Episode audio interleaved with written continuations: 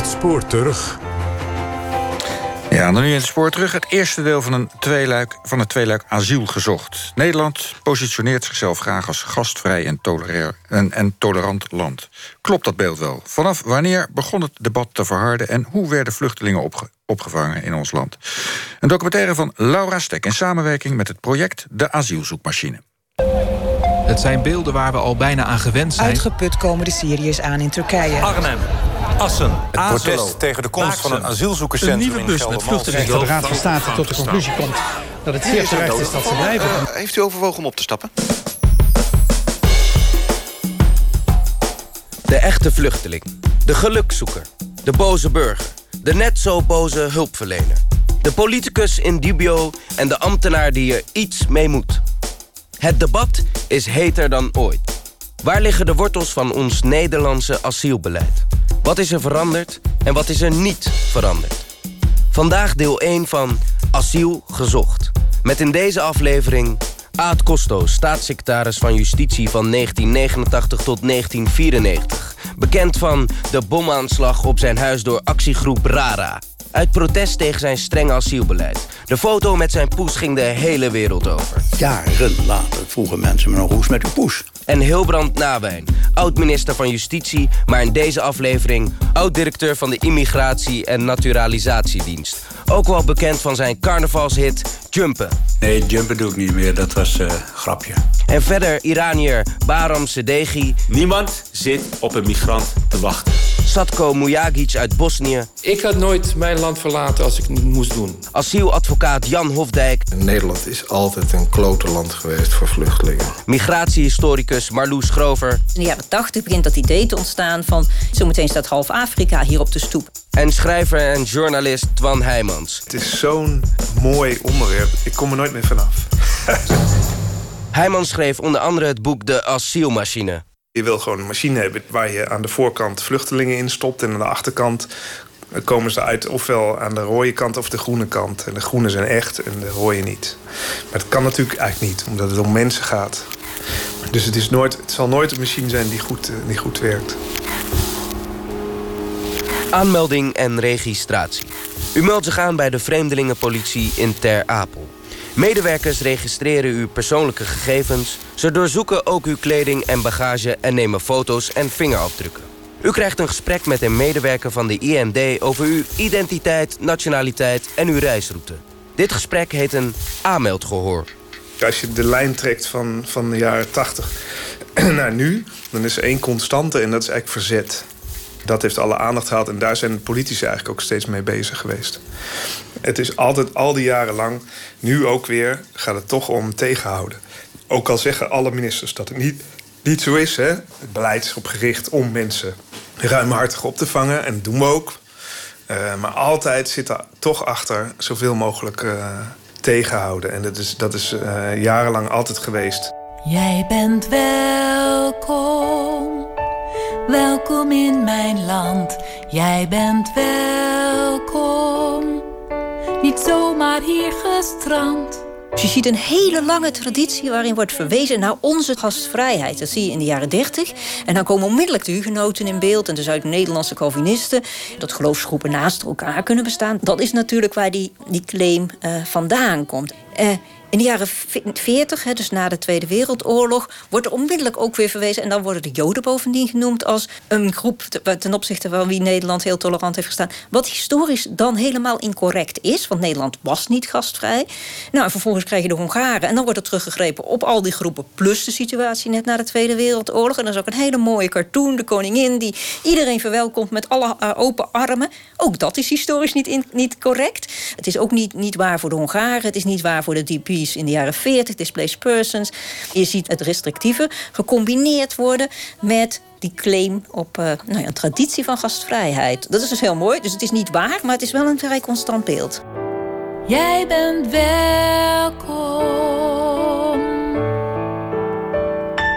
Meer dan welkom. Regelmatig worden wij geconfronteerd met berichten over illegale verblijvende buitenlanders in ons land. Het ligt voor de hand dat in deze regio voor de zogenaamde politieke vluchtelingen en anderen de weg zonder problemen naar ons tolerante Nederland openstaat. Wij moeten hier in halt toe roepen. Op een gegeven moment komen die Tamils. En dat herinner ik me nog als middelbare scholier. Ik was toen ja, nog kind echt. Dat het was echt een begrip, weet je, Tamils. Dit is na de Koude Oorlogsvluchtelingen. Nou, Koude Oorlog was simpel. Zij zijn de slechte, wij zijn de goede. Dat was tenminste een migratie die iedereen kon begrijpen. Nou, daarna heb je wat migraties waarbij toch iets helderder was. En dan komen die Tamils en dan hebben mensen zoiets van... Sri Lanka, dat is een vakantieeiland. Wat is daar dan aan de hand? Het is 1986. Toen zei Lubbers... Het is mij niet duidelijk wat mensen willen in een land dat is ingericht voor het houden van elfstedentochten. En niet het klimaat heeft om onder palmbomen te vertoeven. Je ziet het hem zo zeggen.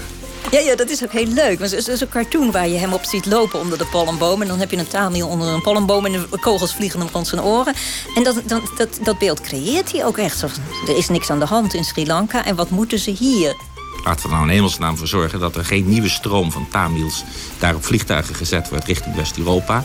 Maar laten we ze goed opvangen in het zuiden en liever daar geld voor beschikking stellen. Maar toen heb ik in 2003, en toen heb ik dat gevraagd, van hoe zit dat? En toen zei hij, ja, dat was 1986. Dat is een voorbeeld van beleid dat ik nu bestrijd. En toen was hij dus, zat hij aan de andere kant. Want hij was hoogcommissaris voor de vluchtelingen. En hij was heel erg aan het praten over hoe moeilijk het was. En hij was eenzaam, want niemand zag het lot van de vluchtelingen op de wereld. Als je het hebt over verschil tussen uh, politiek en de werkelijkheid, zeg maar, dan zit hij heel erg daarin. Dus het is. Politicus zal nooit echt kunnen zeggen, denk ik, op dit dossier wat hij echt zou willen zeggen. Oud-PVDA-staatssecretaris van Justitie Aad Costo. Ik kan me niet herinneren hè, dat ik in dit geval het gevoel heb van... Uh, dat heb ik echt verkeerd gedaan. Nee, dat heb ik niet. Ik uh, probeerde duidelijk te zijn en genuanceerd en rechtvaardig. Je doet je best. En eh, als je nu het gevoel hebt van je uitstoot maar binnen, ze doen er niks en het gaat maar door, dan krijg je ook buitengewoon vervelende reacties uit de samenleving. Bijna twee op de drie inwoners, 62 procent, vindt dat Nederland wat betreft het aantal mensen vol is. Slechts één op de vijf ondervraagden heeft persoonlijke ervaringen met asielzoekers of vluchtelingen in zijn of haar directe omgeving. Driekwart van de Nederlandse bevolking meent dat het kabinet het vluchtelingenvraagstuk niet meer onder controle heeft. Het was ook niet voor niks de hoofdpijnportefeuille. Hè? Had u veel hoofdpijn? Ik had zelf geen hoofdpijn, nee. Het aantal Tamils dat hier komt groeit met 50 per week. Volgens het ministerie van Justitie zijn er ook veel illegalen in Nederland. We hebben dat wel eens geobserveerd. Die kwamen dan aan uh, op Schiphol.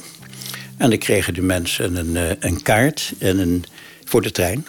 En uh, ze moesten naar een bepaald asielzoekerscentrum. Als ze kwamen stonden er overal kleine busjes. En die busjes reden het land in. Bekreunden zich niet om de overheid, maar die vestigden zich in de grijze schemer van de illegaliteit. ze liepen zo die procedure uit voor ze erin zaten. En dan zijn er ook geweest die inderdaad een verblijfsvergunning uh, kregen, omdat daar toen inderdaad een oorlog aan de gang was. Maar ook wat ik zei kwam voor. Na aanleiding van de recente berichtgeving dat Tamils via West-Duitsland ons land illegaal binnenkomen en hier opgevangen worden, met name te Roermond, zijn wij van mening u te moeten tonen hoe gemakkelijk het is Nederland illegaal en zonder enkele problemen binnen te sluipen.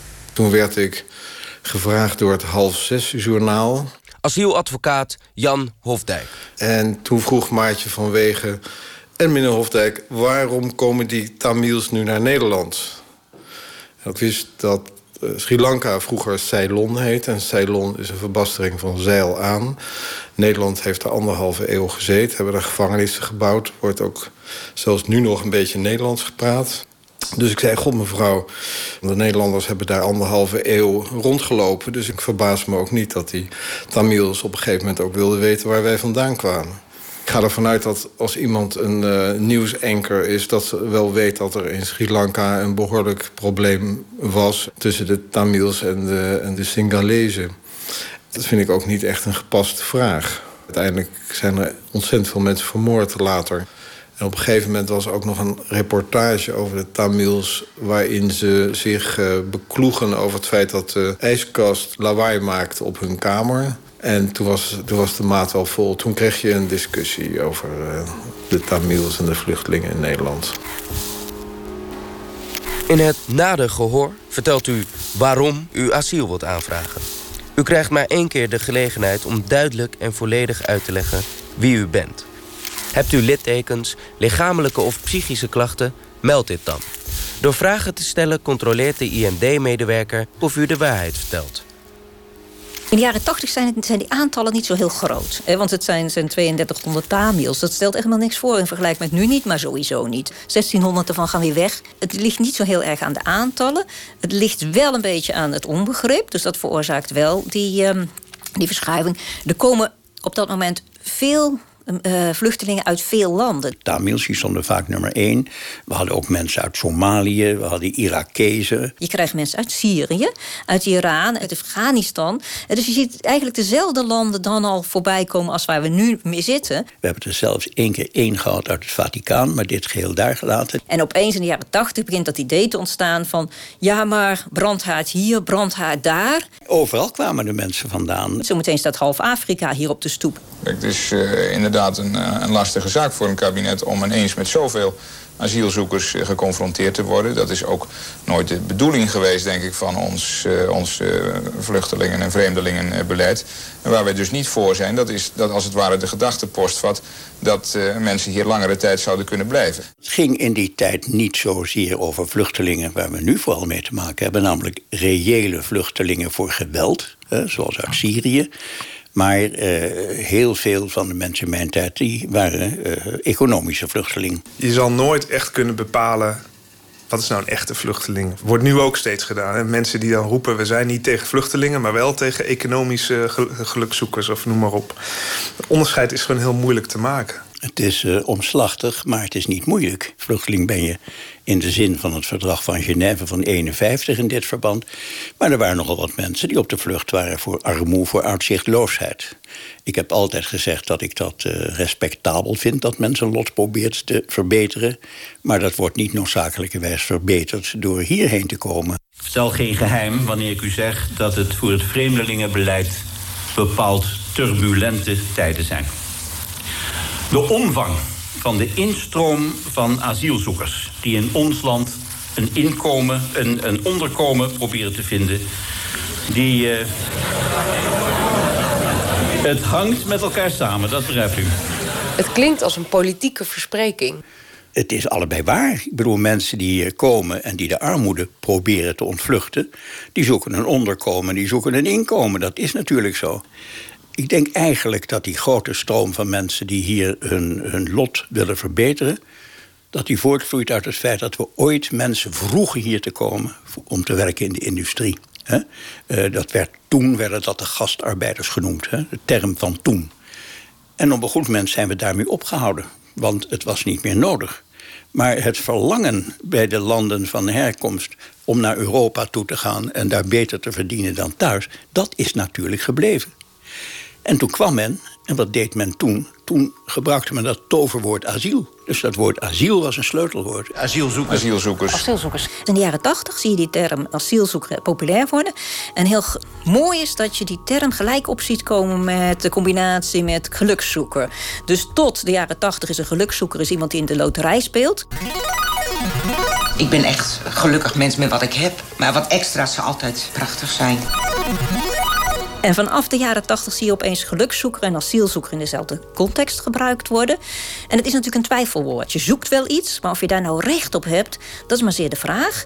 Nou, een asielzoeker heeft nog geen status en een vluchteling wel. Dus als je vluchteling bent, ben je door de asielmachine gegaan en dan heb je stempel gegarandeerd vluchteling. Het heeft er ook iets mee te maken dat de procedure dan steeds langer wordt. Uh, dus je ziet op een gegeven moment een steeds grotere groep ontstaan die tussen het moment van vragen en krijgen zit. Ze hebben geen vluchtelingenstatus en ze zijn niet zoals Hongaren, Vietnamezen al voorgeselecteerd door de UNHCR ze moeten nog een status krijgen, dus moeten ze ook een naam hebben. En dan krijg je pas het woord asielzoeker. In de krant, je ziet het meteen omhoog springen. Het is een hele oude klassieke term en er is niks mis mee. Je moet toch niet aan ieder woord weer gaan peuteren, want dan word je, ben je helemaal nergens meer als ik mij vraag. En je, je, kunt het ook heel leuk zien als je, als je een Google Picture Search doet en je doet vluchtelingen, krijg je een ander beeld dan als je een Google Picture Search doet met asielzoekers. Asielzoekers zijn mannen in een rij. En als je vluchtelingen doet, krijg je vrouwen en kinderen. En vooral vrouwen met een kind op de arm en iets achter zich aanslepend. En één man voorop om de weg te wijzen. Het is gewoon een ander beeld. Vluchtelingen is iets heel anders dan asielzoekers. Iedereen heeft al duizend keer gezegd... we gaan die term verlaten, maar uh, het gebeurt niet. Het blijft bij ons. Ik weet niet of het heel erg is. Ik hou wel van uh, ambtenarentaal. Als je het over connotatie hebt, dan kan ik je één ding zeggen. Asielzoeker, vluchteling, migrant, uh, allochtoon. één pot nat. Ze zijn allemaal even negatief. Dat is mijn bescheiden ervaring. Baram Sadeghi uit Iran. Oké, de kortste variant van mijn vluchtverhaal. Wij schrijven 1985. De oorlog tussen Irak en Iran was op het uh, hoogtepunt. Ik was uh, net 18 geworden en ik moest uh, in dienst. En om het heel plat te zeggen, ik had er geen zin aan. En ja, door heel veel toevallige omstandigheden bij elkaar gekomen, kon ik naar Nederland vluchten. Ja, ik had geen idee waar ik naartoe ging, maar ik heb me in een schip verstopt. En als uh, verstekeling naar Nederland gekomen en per ongeluk in Rotterdam aangekomen. Dus zo is het begonnen. Alles ging oor, in oor uit. Je. Het enige wat ik weet dat we um, asiel hebben aangevraagd, bleek achteraf, wist ik veel. En um, dat uh, duurde ook een kwartiertje, gewoon mijn verhaal vertellen. We hadden ook geen tolk en dat was, ging allemaal gewoon houtje touwtje. Ik sprak, omdat ik elk jaar in de zomermaanden in de haven werkte, sprak ik een paar woordjes Engels. En een van ons, zijn gesprek duurde echt bijna een uur. En we maakten ons echt zorgen van, het gaat helemaal niet goed. Als het zo lang duurt, dat, dat kan nooit goed zijn. En, uh, en we zaten dus op het uh, politiebureau in, uh, in zo'n grote kamer met stapelbedden. En later begreep ik dat het eigenlijk gewoon vreemdelingenpolitie was. Maar na een paar dagen dus kwam een advocaat aan. En ze nam ons mee in haar autootje. En zette ons ergens af. Zei ja, in dit gebouw kunnen jullie verder hulp krijgen. Bleek de, de, de, de befaamde, beruchte fantastische Pauluskerk van dominee Visser te zijn. De Rotterdamse Pauluskerk is geen gewone kerk. Het is een toevluchtsoord voor vluchtelingen, asielzoekers, drugsverslaafden, alcoholisten, prostituees en andere randgroepen. Dus je komt zo bij zo'n kerk binnen en het was echt, dat wil je gewoon niet weten. We hebben dus over echt gewoon medio jaren tachtig gedoe met enorme werkloosheid en halve punks en die, en die kerk echt. Het puilde bijna uit van alles, durf ik te zeggen, wat de maatschappij niet wilde, kon bij dominee Visser onderdak vinden. Wij helpen alle mensen. Dat geldt voor het uh, Europese proletariaat wat momenteel rondzwerft. Alle illegale Marokkanen, Egyptenaren, Tunesiërs die rondzwerven door Europa. Voor de uitgeprocedeerde vluchtelingen. We maken geen onderscheid. Echt van de pedofiel tot echt zware drugsgebruikers. Dat je denkt, wauw, je, dit kan niet hier. Iedereen komt bij hem terecht. was wel prima. Totdat iemand ons uh, uh, attendeerde op uh, vluchtelingenwerk. Er was niks geregeld, maar we kregen daarna een maatschappelijk werker toegewezen. Iemand die een stage liep daar, was de hele tijd aan het blowen. Gedoe.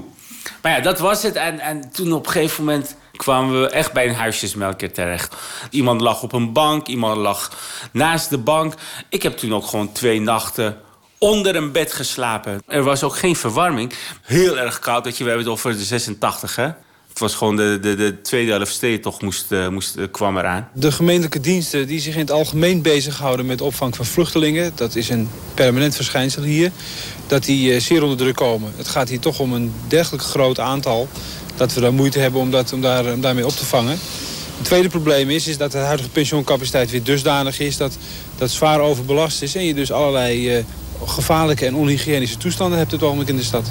er zijn uitzettingen geweest uit een pension wat echt heel brandgevaarlijk was.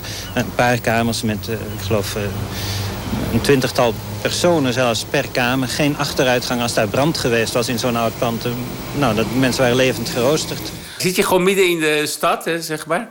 Misschien in de meest ontwikkelde landen ter wereld. en en dan je enige bron van verwarming is uh, gasfornuis en uh, kaarsen overal. En uh, boven een koffieshop en toestanden. Echt toestanden. Dat waren mijn eerste maanden in Nederland, ja. Er zijn problemen met die kleinschalige opvang, heel erg. Hè, dus dat dat niet werkt. En dat, er, ehm, dat dat tot die tijd zag je veel particulier initiatief ook. Veel bereidheid om te steunen. Veel gemeenschappen die iets wilden doen. Die verantwoordelijkheid ligt bij die lokale overheden tot aan de jaren tachtig. Uh, die beginnen ook te klagen. Den Haag, Rotterdam, Amsterdam. Die zeggen dit wordt ons allemaal veel te duur. Hopen natuurlijk op extra geld.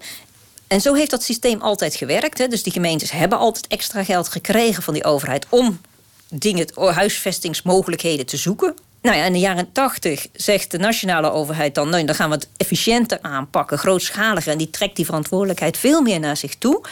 Maar je ziet ook op dat moment het afkalven van het particuliere initiatief. Hè. Dus waar de gemeentes veel deden, deden ook de, de, de particulieren, de kerken, verschrikkelijk veel. Dus voor de christen-Turken bijvoorbeeld in de jaren tachtig zie je de kerken massaal um, uh, steunen. Met, met, met kerkasiel, maar ook met huisvesting, met comité's, spandoeken enzovoorts, enzovoorts. En opeens zie je ook een vrij grote val in dat particuliere initiatief. En dan trekt die overheid trekt dat naar zich toe, maar die trekt dus ook daarmee um, heel veel van die financiering naar zich toe. En daarmee komt, die, komt dat maatschappelijk middenveld ook veel minder centraal daarbinnen te staan. Hè. Dus dan is het ook moeilijker om mensen te, te mobiliseren. Dat valt op een gegeven moment allemaal weg. En dat is een groot, grote verschuiving. Bij het kantoor van de Vreemdelingenpolitie in Ter Apel... is een opvanglocatie van het Centraal Orgaan Opvang Asielzoekers. Het COA. In Ter Apel liggen drie opvanglocaties naast elkaar. De centrale ontvangstlocatie COL, de procesopvanglocatie POL en de vrijheidsbeperkende locatie VBL. Tijdens de procedure verblijft u in de POL. Mocht de procedure langer duren, dan wordt u overgeplaatst naar een AZC.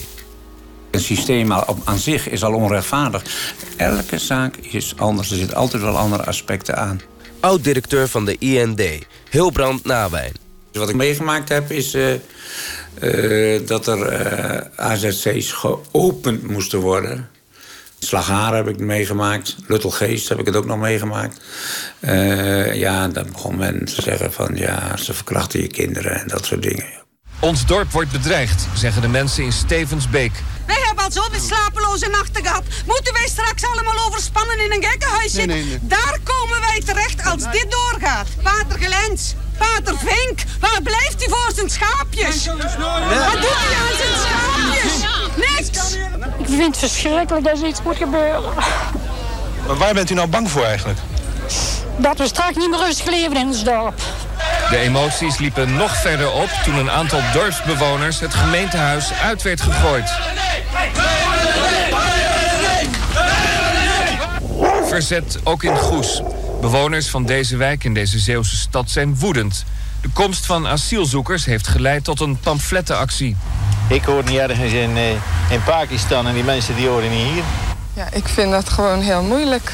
Met al die ziektes wat ze misschien meebrengen en zo. Zoals? Zo, zoals aids om te beginnen, wat je toch uh, al meer hebt gehoord.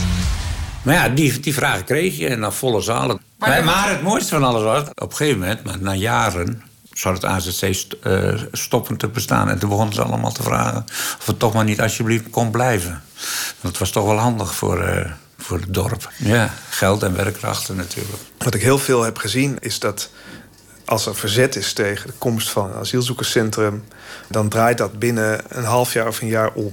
En dat, dat zag je bijvoorbeeld op Vlieland heel sterk. Dat is een hele kleine gemeenschap. Er wonen 900 mensen en er kwamen opeens 350 of 400 vluchtelingen in een oud pension wonen. Nou, die burgemeester was laaiend. Die zei, dat kunnen wij gewoon niet hebben als eiland. Nou, is iets voor te zeggen. Iedereen laai een stuk in de krant. Ze kwamen toch. En een paar jaar, drie jaar later werd het opgeheven. En toen stonden Vlielanders huilend op de kade bij de laatste boot... met hun, hun asielzoekers. En dat zie je altijd weer terug. Uh, je ziet het ook in, uh, in was dan... Nou, daar bekogelden ze die burgemeester met eieren en tomaten. En hoe is dat om dat als burgemeester naar je hoofd te krijgen? Uh, dat is heel jammer dat dat gebeurd is. U bedoelt die eieren? Nou ja, ach, dat is maar één moment en dan is dat weer over. Ja. Maar toch ook wat erachter zit, de agressie die erachter zit? Ja, nou dat zei zo, ja. Een paar jaar later wilde een van de boeren uit Colum wilde trouwen met een asielzoekster. En toen zijn ze gaan demonstreren om, omdat dat niet mocht. Dus zijn ze met bussen naar Den Haag gegaan en spandoeken. Waarom mogen wij niet met onze asielzoekster trouwen? Weet je? En dat geeft mij wel altijd heel veel hoop. Als ik dan nu zie dat, dat, uh, dat, dat er stenen door ruiten gaan, dat er varkens worden opgehangen, dan denk ik wel altijd daaraan. En denk nou ja, dat geeft in ieder geval uh, de hoop dat mensen kunnen veranderen.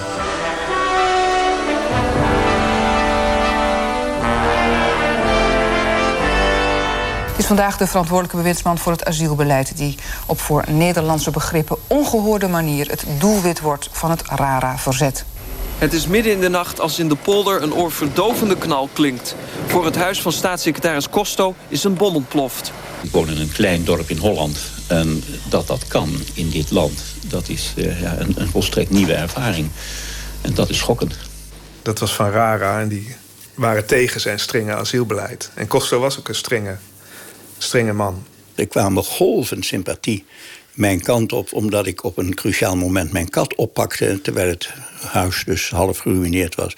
Maar dat had niks met mijn beleid te maken. En dat is maar goed ook. Ik bedoel, dat beleid dat heb ik eh, doorgezet en ik, ben, ik heb niet verzuimd. Ik ben onmiddellijk weer aan het werk gegaan. Bij Kosten hadden we gewoon het beleid van in zijn algemeenheid heel streng. Dat was hij ook. Maar individuele zaken, daar konden we makkelijk nog eens wel wat aan, aan doen. Maar dat vertelden we niet naar buiten. En dan kon je toch nog wel individueel wel een aantal zaken makkelijk oplossen. Ja, en dat betekende meestal dat ze mensen hier mochten blijven. In het verleden, dat was toen mij eh, verweten werd ook wel door andere politici... dat als ik daarover sprak, dat ik zo weinig emotie toonde. Ik heb gezegd, daar eh, heeft niemand wat aan. De lijn van dat wij ook allerlei zaken inwilligden... dat las je niet in de media. Ik weet niet of je die kent, uh, Alexander Munnikhoff.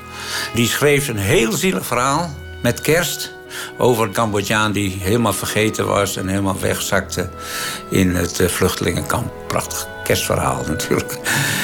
Maar toen lazen wij dat en uh, toen heb ik dat ook gelezen. Toen denk ik, gut, we hadden een programma dat, die, dat we voor de gehandicapten... een programma konden we tien gehandicapten per jaar uitnodigen. En die kregen dan in Nederland volledige verzorging en uh, alles wat ze nodig hadden. Zo is die hier gekomen.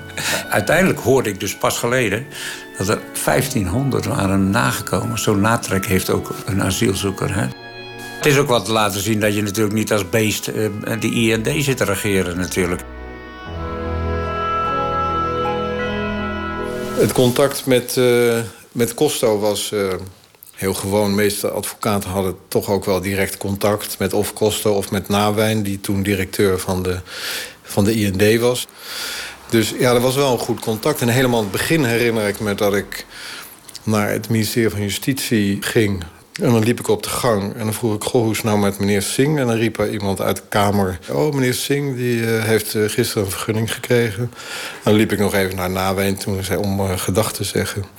Dus er was wel een hele benaderbare cultuur. Ik geloof niet dat je kunt zeggen dat uh, ze de regels aan hun laars lapten. Maar ze waren ook niet zo enorm bureaucratisch uh, als nu.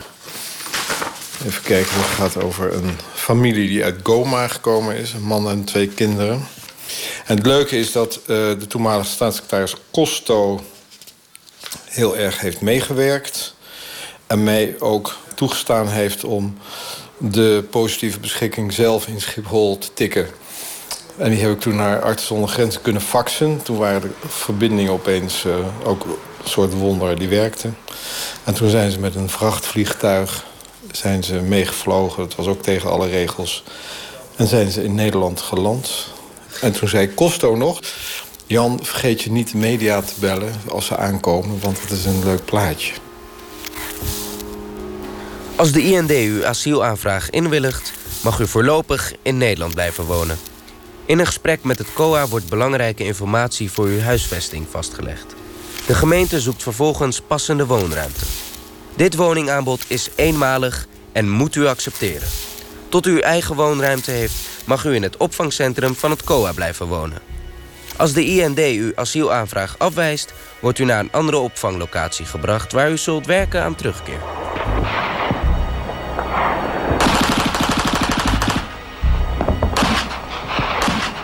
Mijn stad, stadje, is aangevallen 24 mei 92. En op 30 mei ben ik beland in concentratiekamp Martska met mijn vader. Satko Mujagic uit Bosnië. We zaten opgesloten in een, in een soort loods, zeg maar, in een, in een voormalige mijn. en uh, mijn vader die wilde per se niet dat ik kijk, dus ik heb ook redelijk weinig gezien, maar heel veel gehoord. Op een gegeven moment begon het in feite ook door te dringen van misschien overleven we het gewoon niet meer. These are the Muslim prisoners of Umaska. They were too frightened to talk about the way they have been treated. Conditions which have been hidden from the world. Alle beelden op uh, televisie van de verschrikkingen van de oorlog in Joegoslavië.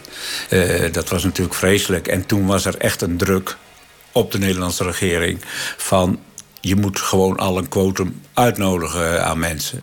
Op een gegeven moment is een deal gemaakt dat wij worden vrijgelaten naar Kroatië en later verder.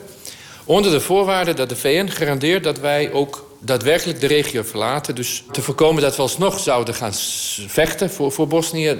Waardoor op een gegeven moment de VN eigenlijk aan de haal ging bij allerlei landen om te vragen om een aantal van ons op te nemen. Er waren beelden geweest van de kampen. En toen hebben we het initiatief genomen vanuit de Nederlandse regering om mensen uit te nodigen. Toen kwamen de treinen vol, die kwamen naar Utrecht. Die aantallen die hadden we nog nooit gehad in de geschiedenis. Want toen spraken we ook over 52.000 uh, asielzoekers in die tijd. Ja, en dan nog uh, het probleem van de opvang. Want er was toen ook helemaal geen opvang. Hè. Dat was ook allemaal precies hetzelfde als nu. Ja, we, we hebben er geen plaats meer voor. Maar dat betekent toch gewoon dat u eigenlijk zegt... Uh, ik vind dat vluchtelingen uit Joegoslavië, slachtoffers van de oorlog... moeten worden tegengehouden omdat ik in Lelystad de problemen niet aan kan? En het antwoord daarop is uh, ja. Het antwoord is dat Nederland niet in staat is om uh, de problemen van de wereld op te lossen. Zo min als Duitsland, zo min als Frankrijk. Je moet het zien trouwens als een West-Europees probleem. Wij zijn in staat om een zekere mate van problemen op te lossen. Gaan wij over die grens heen, dan creëren we veel meer problemen ja. dan we hebben. We moesten toen ook uh, naar die tenten zoals in Heumensoord. Dat was toen ook het geval. En ja, dat gaf toch wel... En wie moet je dan heen sturen? En welke mensen... Als je mensen hebt, van wie dan? En als je ze niet hebt, wat doe je dan? Dames en heren, exact 7 uur. Ik heet u allen van harte welkom op deze bijeenkomst, welke in het teken staat van het beschikbaar stellen van een woning voor de opvang van vluchtelingen.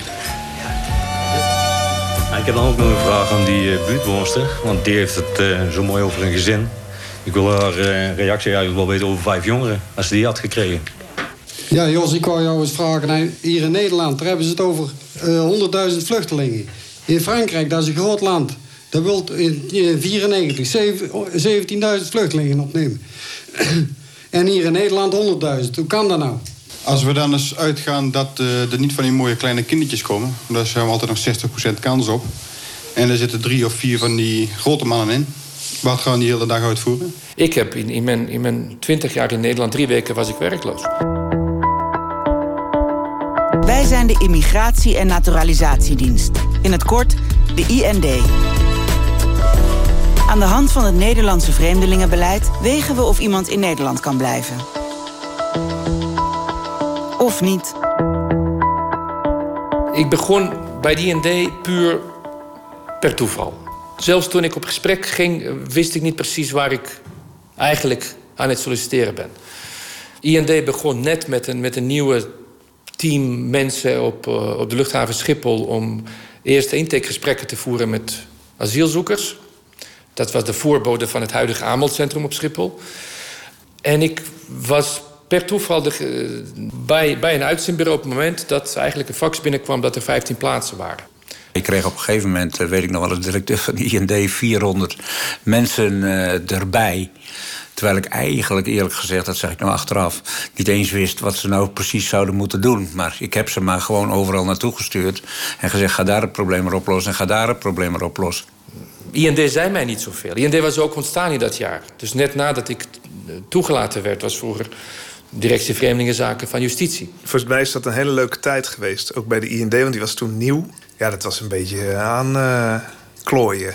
Ik weet dat in de, de, tijd dat ik er kwam... kwamen veel mensen uit Macedonië. Veel Roma's uit Servië. Veel mensen uit Servië zelf. Kroatië, uit de delen waar geen oorlog was. Dus mensen die, die niet onveilig zaten waar ze zaten. Maar die gebruik hebben gemaakt van het moment om weg te komen.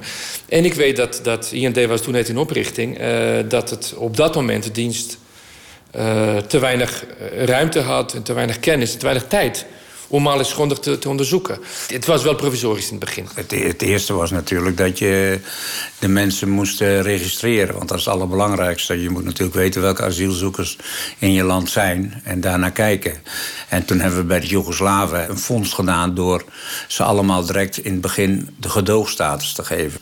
Dat scheelde heel veel werk. Dat was natuurlijk een slimme truc. Een gedeelte kreeg een andere status dan een vluchtelingenstatus. Een tijdelijke regeling ontheemde. En daarmee kon je de vluchtelingenprocedure uh, uh, in feite omzeilen. Dus er werd gezegd, jongens, Joegoslavië, dat is nu een probleem. Maar straks, en dat meende natuurlijk ook een hoop van de vluchtelingen... meende dat over vijf jaar is die oorlog voorbij... en dan zullen ze ook teruggaan. Dat heeft uiteindelijk ook wel goed gewerkt, vind ik eerlijk gezegd. Want ja, gelukkig is de oorlog uh, overgegaan in Joegoslavië. En er zijn er ook mensen teruggekeerd, ook vrijwillig. En, en de anderen die hebben allemaal over status gekregen, over verblijfsvergunning gekregen.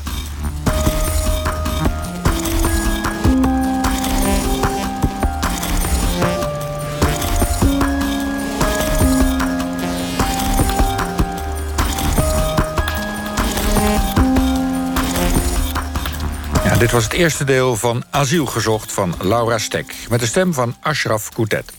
En vergeet niet te kijken naar het omvangrijke online project asielzoekmachine.nl. Daar vindt u alles over het Nederlandse asielbeleid. En er staan ook data voor bijeenkomsten waar u kunt meepraten over dat asielbeleid. Volgende week in OVT, deel 2, met onder andere Job Cohen en Rita Verdonk. En dit alles kunt u teruglezen op npogeschiedenis.nl slash OVT.